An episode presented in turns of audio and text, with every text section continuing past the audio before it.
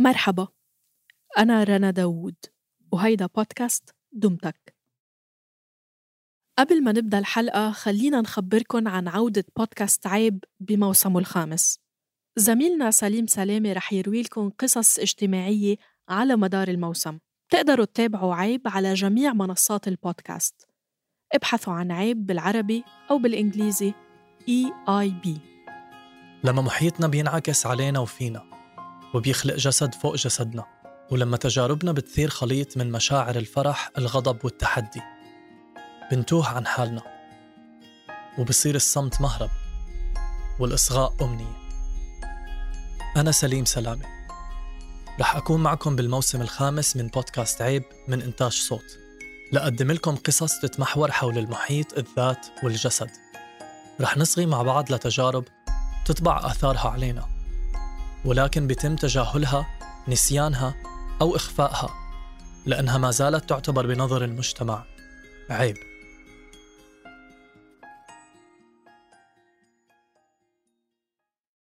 شو أكتر كلمة بحثوا عنها مستخدمي جوجل بالسعودية سنة 2017 كلمة زلزلة.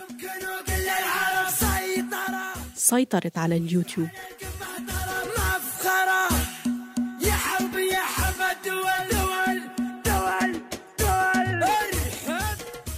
زلزلة هي واحدة من الشيلات اللي انشهرت بالسعودية وبدول عربية تانية. يعني أكيد كنتوا رح تسمعوها وأنتوا سايقين على الطريق بالأردن أو مثلا بمظاهرة بالعراق.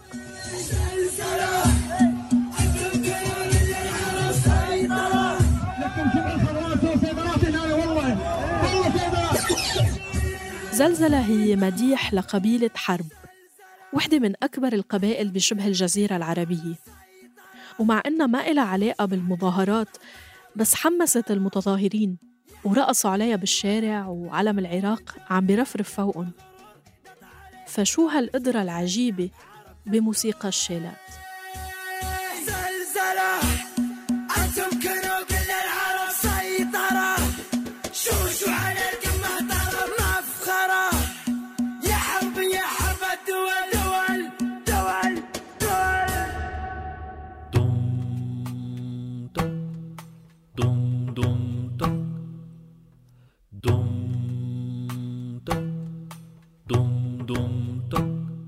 مرحبا فيكن بالحلقة العاشرة من الموسم الثاني لبودكاست دمتك. أنا رنا داوود. بهالموسم استعرضنا أنواع موسيقى مثل المهرجانات والجاز والمونولوج وروينا لكم قصص عن وجودها بالوطن العربي وعن الفنانين اللي تبنوها من منطقتنا. وبهاي الحلقة الأخيرة للموسم رح نحكي عن الشيلات. الله وقول جنوبي مثل همه على غيمة جنوبية. أحس إني يا قالت فديتك يا عرب ربي. ترقص في جبال بها مع الريح الشمالية. ولا أدري ليه تسريبي هواجيس وتبذبي. إذا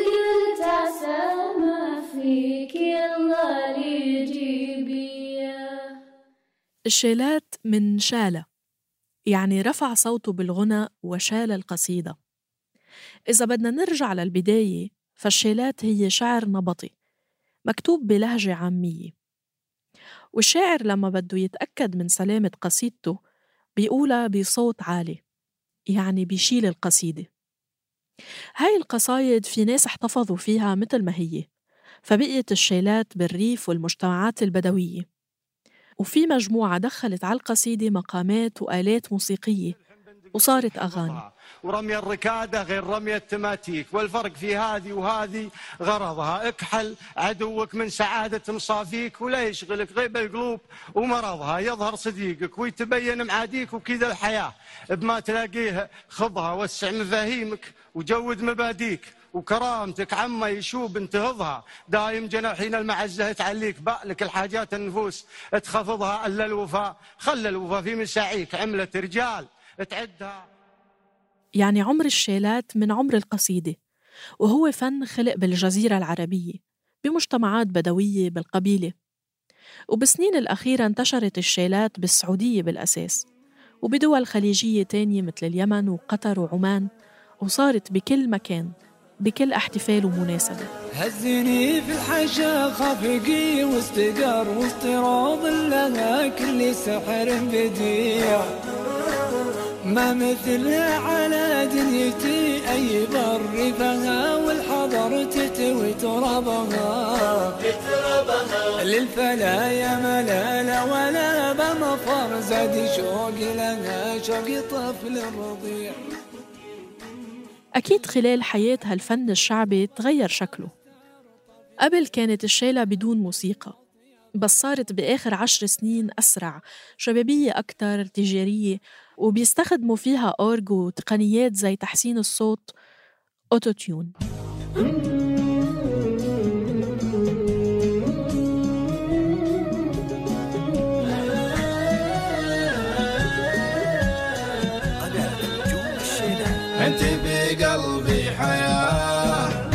الكون كون وانت ذاك السر في قلبي وهم لا يعلمون بمنتدى على الإنترنت في سؤال شو الفرق بين الأغاني والشيلات؟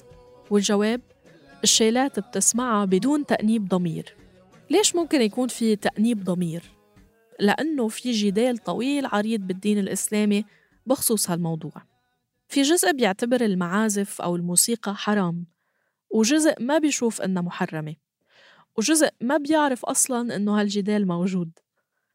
بس وين المهم بموضوعنا؟ إنه صار في جدال جديد. إذا الموسيقى حرام هل الشيلات فيها موسيقى؟ تعريفي للشيلات بكل بساطة. جيب لحن وحط معاه صوت واحد يصايح كذا أنت سويت شيلة. وإذا حبذا إنك تضيف موسيقى ما عندك أي مشكلة يعني مكسرات هي في كتير ناس بينفوا إنه كل الشيلات فيها موسيقى منهم الملحن وسيم عزي. عمل فيديو على اليوتيوب بيثبت فيه إنها بلا موسيقى بس بمؤثرات بشرية. أنا شابك هالشيء هذا عن طريق USB لكرت الصوت واستخدم برنامج يصدر منه أصوات بشرية. نسمع هذه أول خامة. الصوت إيش تسمعه؟ هو عبارة عن صوت إنسان بس مزودين فيه صدى آه.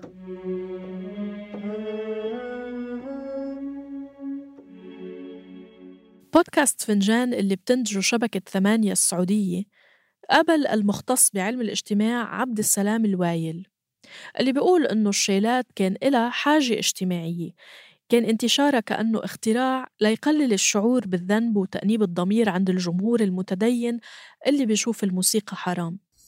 هي اختراع. اختراعته ال- هي بالنفس الم- تواطأ عليه. فئات اجتماعية لأنها لازم تمارس الطرب لازم تستمع له لازم تروح تعيشه كحالة رقص وتفاعل مع المطرب والمؤدي أو شيء زي كذا.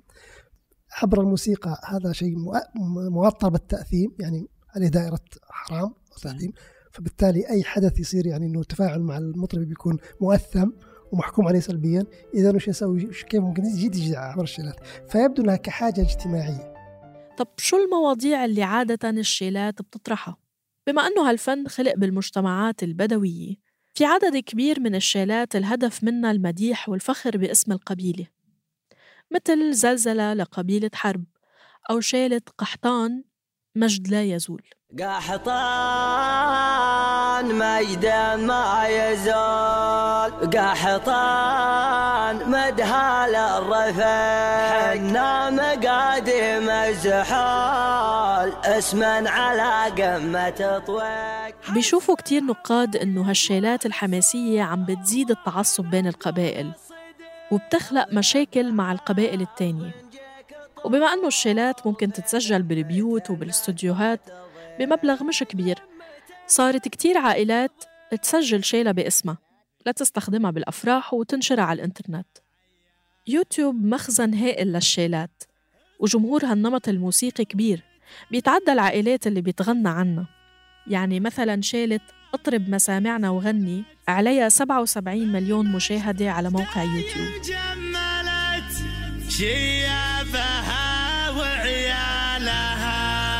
جديد سجل. اتش دي يا هاجسي هات الجزيل وتعالى اللحن الجميل. شعرك له وزن ثقيل والخير من خيالها يا ماجد اسجع اللحن اطرب مسامعنا وغن الليلة فرحتنا علن.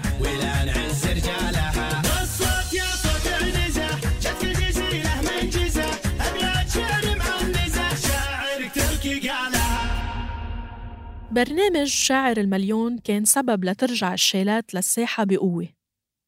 طلع البرنامج بأول موسم سنة 2006 ليتنافسوا فيه الشعراء العرب ويقدموا القصيد على مسرح بأبو ظبي. بتطلع الحلقات على قناة بينونة أو قناة الإمارات وهدف البرنامج أنه يحيي الشعر النبطي. الأسبوع الماضي شلت شيلة لشاعر هوازن عبد الرحمن العطاوي. فحبيت إني أنوع في الشيلات لرموز الشعر. ف اليوم مختار لكم أبيات للشاعر بديوي الوقداني العتيبي. الله يرحمه. يقول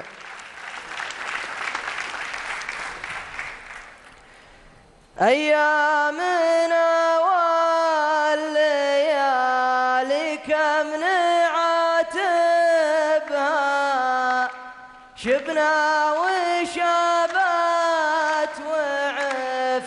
بعض الأحوال. تعد مواعيدي والجهل متذبها. واللي عرف حدها من همها سالي. مزاين الإبل هي كمان مسرح مهم للشيلات. وهي مسابقات بيجتمعوا فيها الملاك وبيتنافسوا على جائزة أجمل إبل. الدخول الفخم مئة متن لحمد بن راجح بن فهيد العجمي وضحيام لنيل بيرق المؤسس المطرق والكلوب على الخدم اليسار. كتير مرات بتكون هالمزاين برعاية أحد أفراد العائلة المالكة والقبائل بتشجع المشاركين اللي بينتموا لها. فكل هالأسباب بتخلي الشيلات موسيقى مهمة لهالمسابقات ملاك الإبل نفسهم بيطلبوا شيلات تمدحهم وتتغزل بالإبل تبعهم. فبتكون هالمزاين مصدر دخل لمنشدي الشيلات وبينفع تكون الشيلة هدية تشتريها وتطلب إنه تنكتب بمديح رجل أعمال بتشتغل معه مثلاً. وبكل الأحوال في رحلة البحث عن الشيلات على يوتيوب لقينا كتير مدائح لشخصيات سياسية. مثل ولي العهد السعودي الأمير محمد بن سلمان.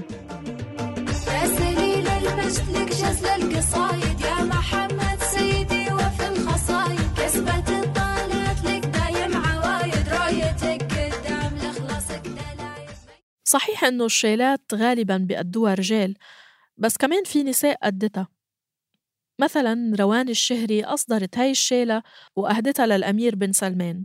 لتصير ترند على تويتر كأول منشدة سعودية. أكيد شفتي الهاشتاج يا روان. الهاشتاج كان فيه اعتراض على كون إنه بنت تدخل عالم الشيلات واعتبروكي أول منشدة. انت فعلا أول واحدة أنا ما شفت واحدة من أول سوت شيلات. آه، فعشان كذا حبيت أكون أنا أول منشدة وللأمانة كانوا كثير معارضين ومو معتاد للمجتمع السعودي إنه بنت تطلع تسوي شيلة. أزعجك هذا الهجوم؟ هل قراتي الهاشتاج؟ هل شفتي التعليقات على إنستغرام وما إلى ذلك؟ في شيء أزعجك؟ آه، كلها كانت مزعجة. المهم إنه أفراد العائلة المالكة بالسعودية مش الشخصيات الوحيدة اللي بينكتب لها شيلات. بأزمة دول الخليج الأخيرة كانت الشيلات ساحة مفتوحة لإعلان الولاء للزعامة وللدول. هاي الشيلة انكتبت لأمير قطر تميم بن حمد آل ثاني. يا أهل السيادة والوقار اللي بقوله باختصار زاد الولاء عقب الحصار للحاكم العدل تميم. والشيلات كمان ممكن تلعب دور ببث الحماس خلال الاحتجاجات الشعبية. هاي الشيلة العراقية انعملت بعد بدء ثورة تشرين المستمرة من تشرين الأول أكتوبر 2019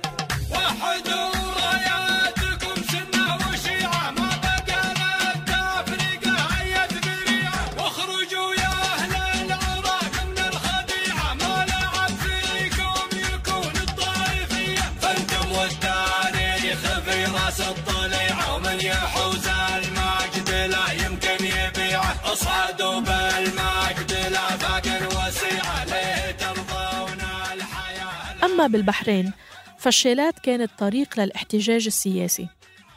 تحديدا خلال مواكب عاشوراء لإحياء ذكرى استشهاد الحسين بكربلاء.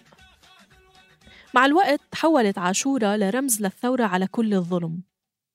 بالستينيات لاقوا البحرينيين فرصة بمواكب عاشوراء للاحتجاج على الاستبداد ولرفع الرايات والشعارات وتوزيع منشورات بتنادي بالوحدة الوطنية.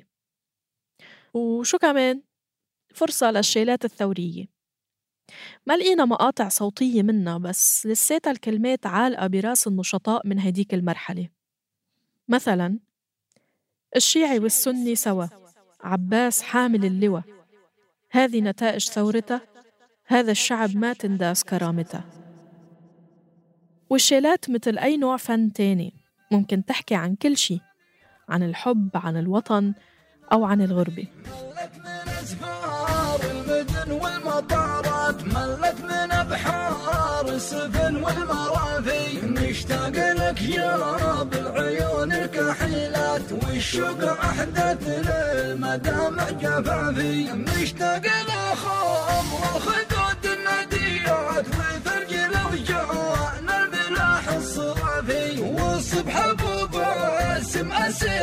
المسافات في غيهب الغربة يا عن التجافي يا ليتنا في جانبش خمس ساعات تروي ظما روحي وحقق شغافي. والشب من اشفاتك عسل شد نحلات يا بلسم جراحي وطب المشافي بنهاية هالموسم رغم كل اللي قلناه حاسين أنه لازم ينقال أكتر عن الموسيقى العربية. قدرنا نشوف قديش في نقص مصادر ونقص مواد نقدية عن الأعمال العظيمة اللي بيشتغلوا عليها الموسيقيين العرب. وقديش في حاجة لكل هيدا. في كتير قصص عبالنا نحكيها بمساعدتكم وملاحظاتكم اللي بتوصلنا. كان مدهش نشوف كيف الموسيقى والمجتمع بيكونوا بعض وبيتغيروا كل الوقت. بموسيقى البوب شفنا كيف رأس المال خلق بوابة بيختار شو يمر للجمهور ويدخل بيوتهم وشو يضل مخبى بمساحات صغيرة. بس قدرنا نلاقي الأمل بالإنترنت اللي وسع البوابة كتير. على الإنترنت كان في تجارب روك وراب بدأت من غرف واستوديوهات صغيرة وسعت لتوصل كل العالم وترسم لنا صورة جديدة لأغاني الحب والاحتجاج وتلاقي قدامها سوق إنتاج جديد. جواتها صراعات واحتمالات جديدة. بحلقة المهرجانات سألنا حالنا شو تعريف الموسيقى الشعبية؟ وشو علاقة الموسيقى اللي منعملها بنوع الحي اللي ساكنينه؟ ولقينا حالنا قدام شكل جديد من الرقابة غير الوجوه الكتيرة اللي عرفناها سؤال بسيط مثل كيف وصل الجاز على الوطن العربي كان جوابه كبير ومعقد بيبدأ بإذاعة أمريكية وصل بثها على مصر وبيوصلنا لإستعباد الناس بأمريكا وخطط لتحسين صورتها بالمنطقة خلال الحرب الباردة. ما كنا ولا مرة بعاد عن السياسة كنا نلاقيها دايما بتلحقنا بكل حديث. الرأي مثلا ما كنا بنقدر نحكي عنه بدون ما نفهم تاريخ العشرية السوداء بالجزائر. ونقرأ عن هالعشر سنين من الحرب الدموية المسلحة. كان هيدا الموسم رحلة مهمة. وكتير متحمسين لنتوسع فيها بالمواسم الجاي ونشوفها من جوانب جديدة معكم. هالحلقة بحثا وكتابة للما رباح وجنى قزاز. التحرير والإنتاج لصبرين طه والإخراج الصوتي لتيسير قباني. كنت معكم بالتقديم أنا رنا داوود. النشر والتوزيع تولته مرام النبالي وجنى قزاز. وشارك بإنتاج هالموسم فريق صوت. الموسم الثاني انتهى لكن دمتك مستمر. بتقدروا ترجعوا تسمعوا كامل حلقات الموسمين عبر جميع تطبيقات البودكاست والموسيقى. فيكن تسمعوا سير فنانات عربيات من زمن الراديو الذهبي مثل ربى الجمال وعائشة الفلاتية وعزيزة جلال. أو تتعرفوا على أنماط موسيقية معاصرة منتشرة بالعالم العربي مثل البوب والروك والراي. رح ناخد استراحة قصيرة نحضر فيها للموسم الثالث. إلى اللقاء قريبا بدمتك